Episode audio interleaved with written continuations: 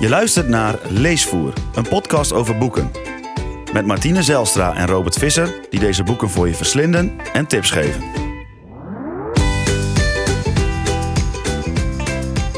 Welkom bij Leesvoer met deze week Stad van de Levende van Nicola La Gioia. Bij Rome denk je ongetwijfeld aan heerlijke ijsjes en geschiedenis die je op iedere straathoek vindt. Maar Rome kent ook een schaduwzijde, ontdek je al snel als je Stad van de Levende van Nicola La Gioia leest. Rome. Een stad vol ruïnes van vrede en minder vrede keizers die hun stempel op Rome drukten met de hulp van imponerende gebouwen. Op het Forum Romanum vind je de ene triomfboog naar de andere, die de grootsheid van de vroegere stad weergeeft. Maar Rome is zoveel meer dan pittoreske pleintjes, imposante kerken en triomfbogen. Je hoeft maar één stap in het Colosseum te zetten om met een beetje fantasie nog de geur te ruiken van bloed, zweet en tranen van de gladiatorgevechten die er vroeger plaatsvonden.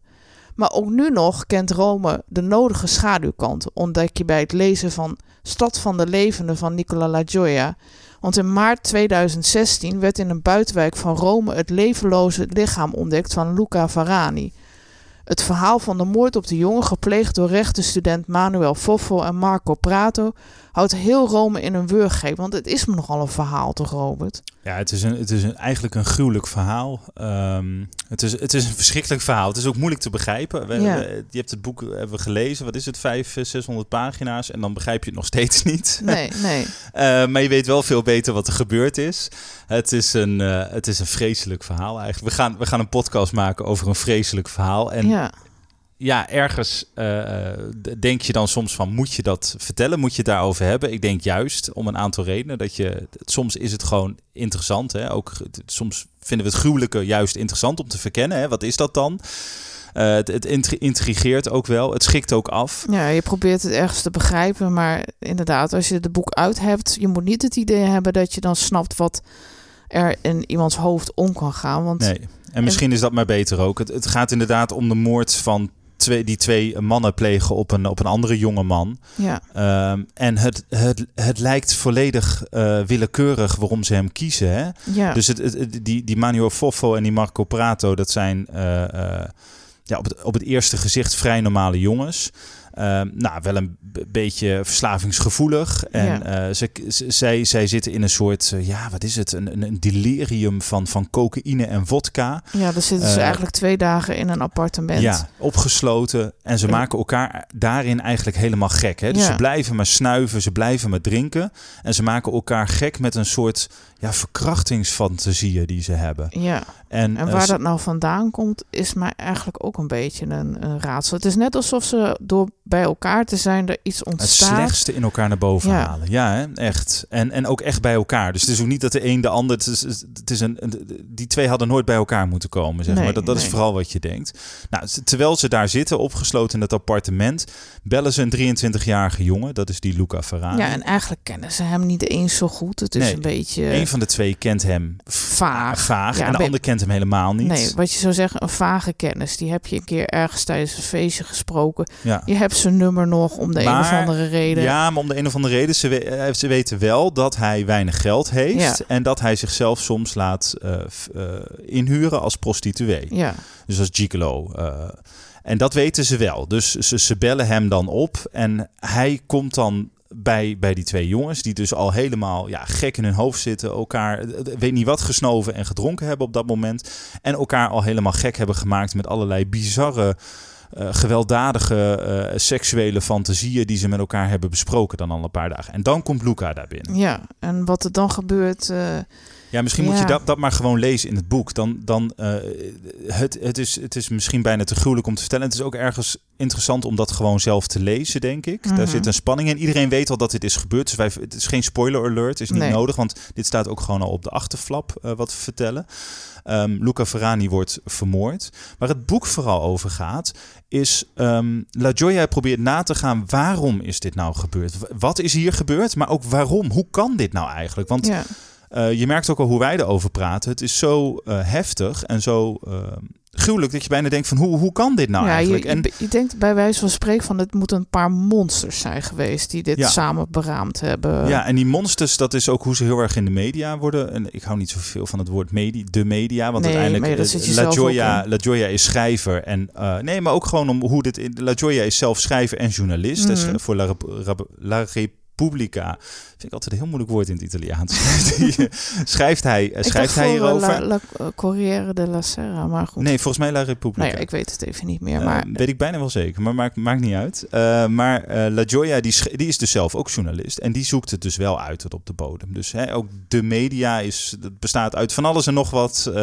maar goed, hij wordt wel over het algemeen afgeschilderd als monsters. mm, En La Joya zegt van ja, dat vind ik eigenlijk raar. Dat is te makkelijk. Want als we monster zeggen, dan, oh, dan is het iets heel geks. En dan hoeven er verder zelf ook niet over na te denken. Nee. Het zijn gewoon twee eh, debiele gasten die eh, ja, gestoord zijn. kan en ons niet doen. gebeuren en we gaan weer verder. Ja. terwijl hij zegt van eigenlijk zijn het vrij normale gasten. Wel narcisten, ze zijn heel erg egoïstisch en op zichzelf gericht. ja. Maar ehm, ja, ze, ze, ze- het, het, ze, ze, ze, eh, je had dit nooit kunnen zien aankomen eigenlijk. Dat is wat hij zegt. Het, ze, ze leiden een vrij normaal leven. Wel inderdaad met wat drugs en met wat drank. Maar ook weer Maar niet ook wel- zo uitzonderlijk en raar dat, Nee. je, eh, dat je denkt van... God, deze zijn, jongens zijn voor galg en rat opgegroeid. Nee, en, want eh, het, zijn- ze komen niet. eigenlijk toch redelijk uit normale families, zou je zeggen. ja. Het zijn geen, ja, hoe moet ik dat nou zeggen? Dat ze in, in, in een of andere achterstandswijk zijn opgegroeid eh, voor galgenrad en dat er nooit iemand naar hen om heeft gekeken. Nee, het speelt zich wel af in een achterstandswijk. Hè? Het speelt zich wel af in een van die buitenwijken van Rome met, eh met ja, maar met of het nou echt een achterstandswijk is, dat weet nee, ik niet zo goed ook hoor. nee. Nou ja, dat nee, nee, nee, want je hebt wel veel slechtere wijken nog, maar het is ook niet het goede, Nee, goede nee. Maar goed, ze zijn wel. allebei eh, me- meer middenklasse en Ja. eh, nou, ze hebben gewoon een carrière en, en dat gaat al. Je, je, je zou dit gewoon niet verwachten. En nee. eh, je weet wat ze hebben gedaan, dus dat blijft altijd in je achterhoofd. Maar het zijn vrij normale jongens uit vrij normale gezinnen. Die gezinnen zijn misschien nog wel iets normaler dan, eh, dan de jongens zelf. Ehm, en je probeert het te begrijpen. En ik denk dat dat ook een beetje is wat je als mens bent. Hè? Je, je, wil, je wil begrijpen wat het is. Ja, en wat iemand drijft om wij begonnen er eigenlijk eh. mee dat we nog steeds niet begrijpen. Maar je bent wel wijzer geworden door dit boek te lezen. En ja. Ehm, ik zou zeggen, als je het ze monsters noemt, dan is de discussie meteen gesloten. Dan hoef je er ook verder niet over te hebben. Dan hoef je er verder ook niet te veel over na te denken. Dit boek nodigt wel heel erg uit om er juist wel over na te denken. Ja, van, hey, ze hoe, hoe proberen kan er wel nou? achter te komen van, eh, nou ja, wie waren deze jongens? En dat, doen ze, dat doet hij door, ja, met eigenlijk iedereen die maar met hem wil praten en die hen gekend heeft, eh, eh, over hen te praten. En ook over de jongen die eh, is omgebracht. Ja, precies. Want er wordt ook heel veel met die, over, met die vrienden en vooral de vriendin van Ferrani. eh, want hij, hè, hij verhuurde zich dan als, als, als, als gigolo, Ja, als prostituee. Maar hij had ook een, een relatie met een, met een meisje of met een jonge vrouw. ja. En, ehm, en zij begrijpt het niet. Zij, zij, zij, zij kende Ja, dat zij- schaduwleven Nee, van ik hem wou het helemaal zeggen, want zij, hij hield er ook een leven op na dat zij eigenlijk niet, waar zij niks van af wist. eh. Nee, en, en wat, wat volgens mij waar dit boek voor een groot deel over draait, is, je zei het heel mooi in de, in de intro, van de, Rome heeft een schaduwkant. Rome heeft een hele mooie kant. Eh, eh, ook een beetje een vervallen kant, hè, met al die ruïnes. Daar daar kom je aan vergapen en het is gewoon een ontzettend gave stad. Mhm. Maar het heeft ook heel erg een schaduwkant. En dit speelt zich af in die schaduwkant van Rome. En bij Luca Ferrani had een, een, een leven met zijn vriendin eh, en vrienden, maar had ook een schaduwkant. Ja. En die jongens leken heel normaal, maar hadden ook heel duidelijk. Dus het- het is voortdurend een soort spel met die schaduwkanten. De schaduwkant van de stad, de schaduwkant van, van mensen, en ook van het slachtoffer Ja. en van, eh, van de twee daders. Ehm, en wat ook heel raar is, is dat ehm, er was geen motief eigenlijk. Dus nee.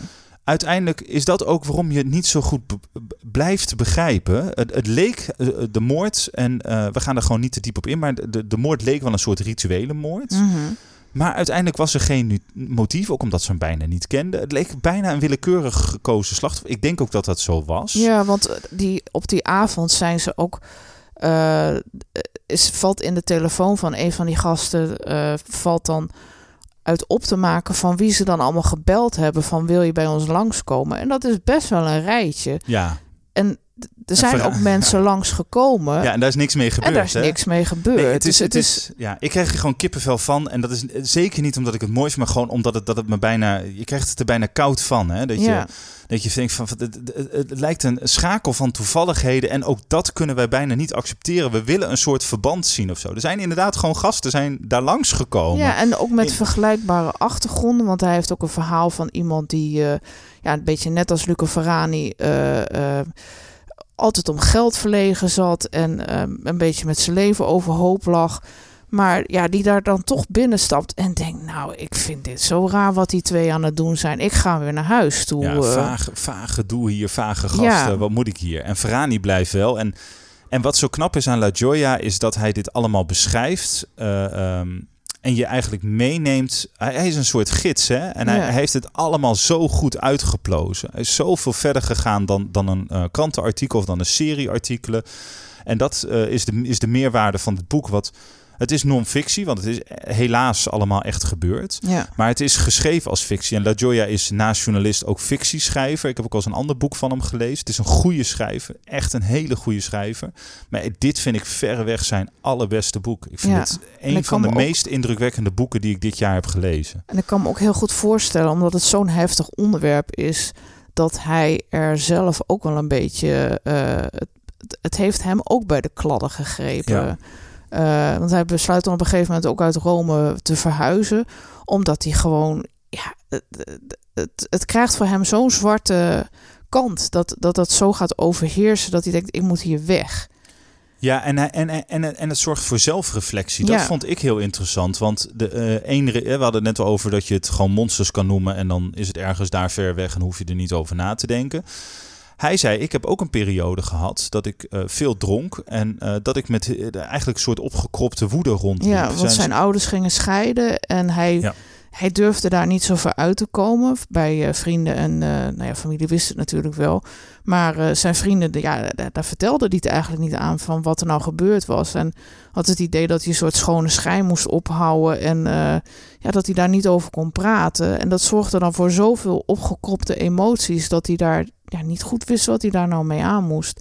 En dan is hij op een feestje, geloof ik. En dan eh, gaat hij in een dronken bui, gooit hij allerlei glazen flesjes van een balkon af. En het wordt, er loopt dan een meisje onder dat balkon door. En die wordt dan op een haar na, eh, mist hij haar dan. eh, en dan, dan bedenkt hij dan achteraf van... eh, goh, ik ben wel door het oog van de naald gekomen. Want als ik haar geraakt had, dan was mijn leven waars- waarschijnlijk wel heel anders gelopen. Ja, en we hebben het hier dus over de, een van de meest gevierde schrijvers van Rome. Hè? Dus Ja. waar, je dat, van Italië, waar je dat eigenlijk niet van had verwacht. Een, Nee. een boek wat in ik weet niet hoeveel talen is eh, vertaald. Nou ja, en zijn dan boek denk je hiervoor van, ook al. eh, En dan denk je van, oh, dat is gewoon een hele normale... Nou ja, misschien het is het ook... Dat is juist het idee van, de, van wat hij daarmee wil zeggen. Van iedereen denkt, je bent zo normaal, maar dat valt wel mee. Ja. Jij noemt dit, maar hij beschrijft nog iets. Hè? Dat hij op een gegeven moment dronken met een vriend in, in de auto stapt. oh ja, ja. En dan raakt hij de macht over het stuur kwijt. En dan rammen ze een geparkeerde auto. Ja, en ze Omdat ze zo van, dronken eh, zijn. En, maar dan is het dus niemand die, eh, die in die auto zit, gelukkig. En daarvoor hebben ze zichzelf met een mes gesneden. Ja, als van we En- zijn bloedbroeders en ze hebben een, een boek van Umberto Eco gemoord, Ja, in de naam ik. van de roos. En dan zegt ze we is. hebben Umberto Eco vermoord. En nou ja, Ja. iedereen die gaat er dan omheen staan van, wat, wat gebeurt hier met die jongens? Ja. En, eh, Maar ja. net zoals met die bierflesjes is het ook met die, met die eh, dronken in de auto stappen en dan, iemand, en dan een, een auto aanrijden waar dus gelukkig niemand in zit. Maar daarbij zegt hij van ja, ik heb ook hele gekke dingen gedaan. ja. Uiteindelijk is hij gestopt met die drank en eh, nou, is het met hem allemaal in die zin goed gekomen. Maar ik vond het heel eerlijk en mooi eigenlijk ook dat hij het naar zichzelf toe trok. Mhm. En zei van we moeten ook, en ergens doet het je ook wel over jezelf nadenken. ja. Ik heb niet dit soort dingen, dus de, de, eh, als ik ze wel had, weet ik ook niet of ik ze zou vertellen. Maar, maar zeker niet dit soort heftige dingen. Maar je hebt natuurlijk wel periodes in je leven gehad waarin je minder goed in je vel zat. ja. En waarin je, eh, eh, nou ja, waarin ik mij, ik, ik gebruik zelf geen drugs. Ehm, maar hè, misschien is het dan, dan wel een mix. Ja, proberen we het weer te verklaren van hoe het dan is gebeurd. Ehm, waarom die jongens het in eenmansnaam hebben gedaan. Ik wou er toch nog één dingetje over zeggen. Maar ze snappen het zelf eigenlijk Nee, precies. Dat wou ik inderdaad zeggen. Want in de rechtbank zegt die Manuel Foffo... die zegt van stop me maar in de gevangenis. eh, geef, Geef me levenslang. Ja, want Ja, ik, weet, ik zelf ook niet waarom ik dit Ja, nou en ik, gedaan en ik begrijp het niet. Ja. Dat is wat hij zegt. Hè. Het is eigenlijk gewoon niet te bevatten wat ik heb gedaan. Ja, En dat is, je kan zeggen dat is een anticlimax, maar mij hield dat ergens wel op het puntje van mijn stoel, omdat je dan zoveel mogelijk uh, informatie eromheen wil hebben. Zoals die jongen wat jij zei, die mensen die daar gewoon langs zijn gekomen op diezelfde uh, twee dagen dat ze daar helemaal los gingen en dat daar niks mee is gebeurd. Het, dat is volgens mij de, de, de drijvende kracht achter dit boek waarom je het wil doorlezen. Ik heb Ja. het volgens mij, dat is iets van 500 pagina's. Ik heb het geloof ik in 1, 2 dagen Ja, uitgelezen. ik denk dat het bij wijze van spreken een soort mix van die drie is geweest, waardoor zij eh, hierin beland zijn.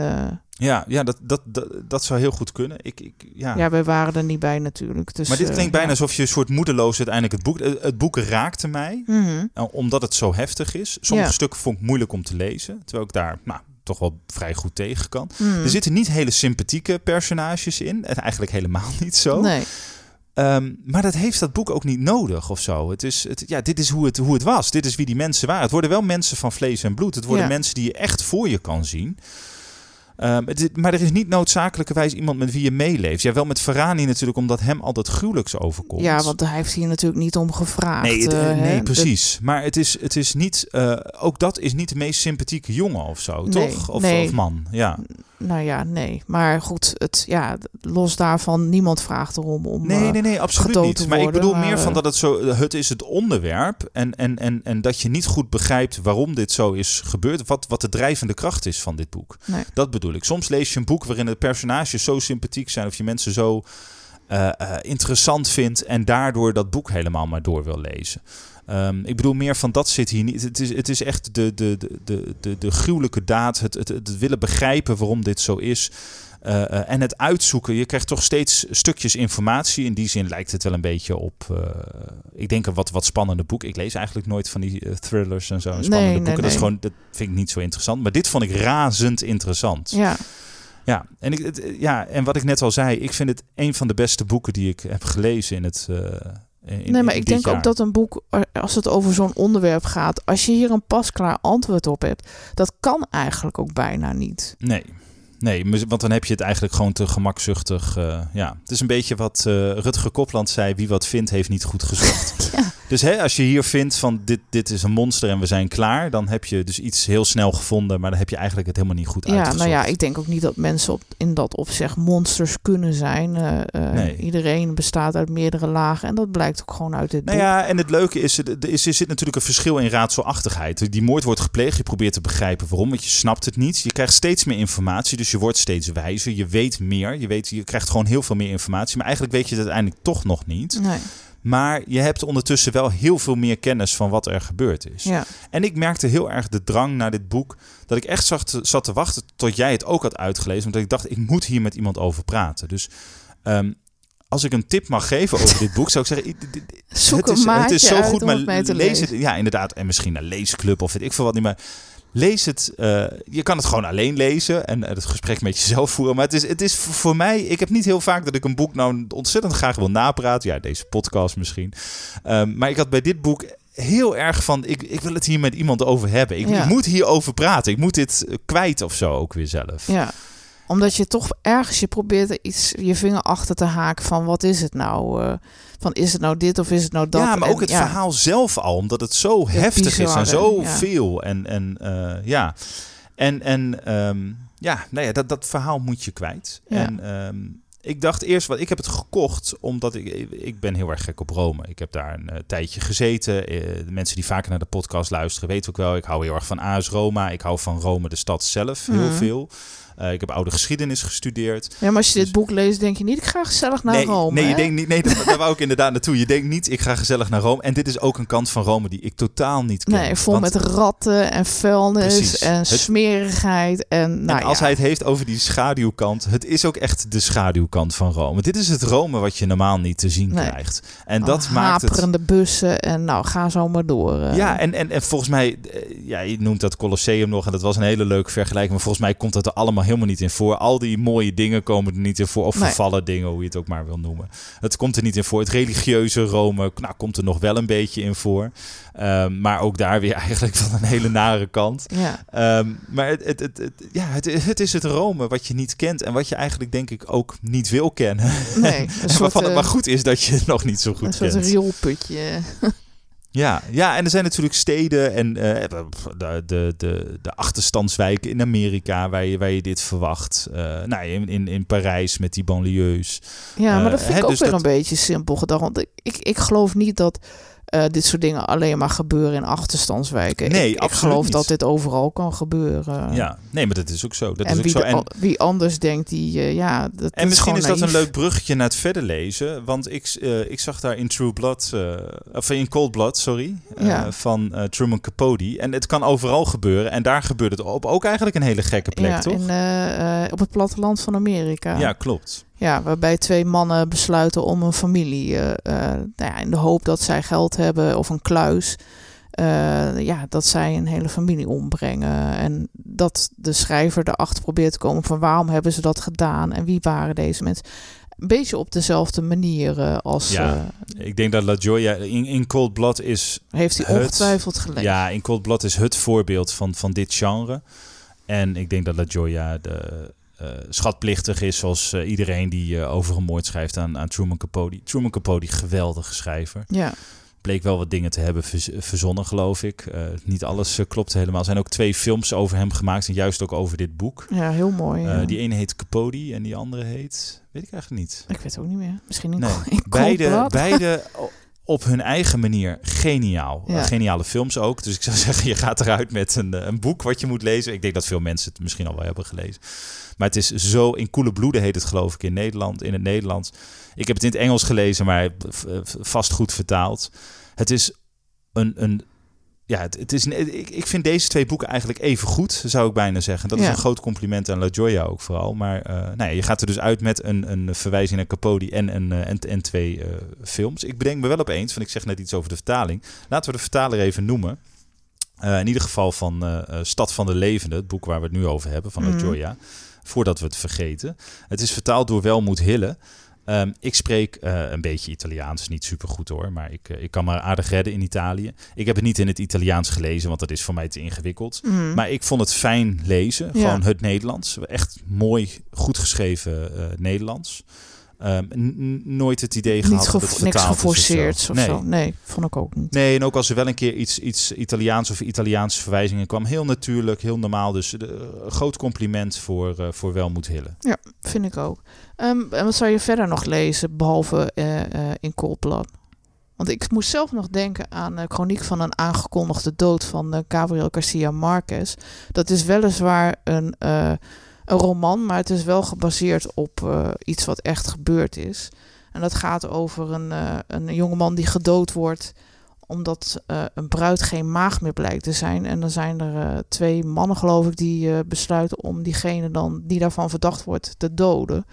Um, en ik hou helemaal niet van thrillers of van dat soort dingen. Maar ik vond aan dit boek um, het mooie eraan dat, dat er getuigen in het boek worden opgevoerd. En die zijn eigenlijk zo onbetrouwbaar als de pest. Want de een heeft het over de ochtend, de ander heeft het over de middag. En om het een, een kleine uh, deel ervan aan te geven. Maar ja, iedereen vertelt weer zijn eigen verhaal, waardoor je denkt van wat is er nou in godsnaam gebeurd? En daar krijg je ook geen antwoord op. Uh, ja. Ik vind het altijd prettig bij dit soort verhalen als, als dat erin duidelijk wordt. Dat je, je eigenlijk geen zak nee, mee. Maar anders, uh, nee, maar anders dan vind ik het op detective verhalen lijken. En ik denk dat werkelijkheid, of in ieder geval als, als je dat probeert na te bootsen, dat daar geen antwoord op te vinden is. En dat vind ik er knap aan. Ja, zeker. Ik ben het uh, helemaal met je eens. Een prachtig boek. Niet zo'n dik boek trouwens. Nee, ook, heel, heel dunnetje. Het is, het is, uh, uh, het, dat is wel een roman, maar ook, ook, ook, ook een beetje journalistiek geschreven. Het is, ja, maar wel heel bloemrijk. Dus het, het ja, doet het is, een beetje ja. journalistiek aan, maar het is wel meer dan alleen dat. ja, ja, dat klopt wel, ja. ja. Dus, dus goed, ja, eigenlijk geven je een, een reis naar de schaduwkant van Rome, de schaduwkant van Colombia en de schaduwkant van het platteland van Amerika. Toch? Ja, en ik hoop de volgende keer dat we een iets vrolijkere podcast hebben om uh, uh, dan weer mee te beginnen. Maar uh, nu duik ik dan zullen even... Het, zullen we het de volgende keer dan over elektriciteit in het, in het huishouden hebben? Ja, het, dat het, lijkt me Het elektrisch idee, paradijs, dat klinkt al, al mooier dan Stad van de Levende in, in of een aangekondigde dood.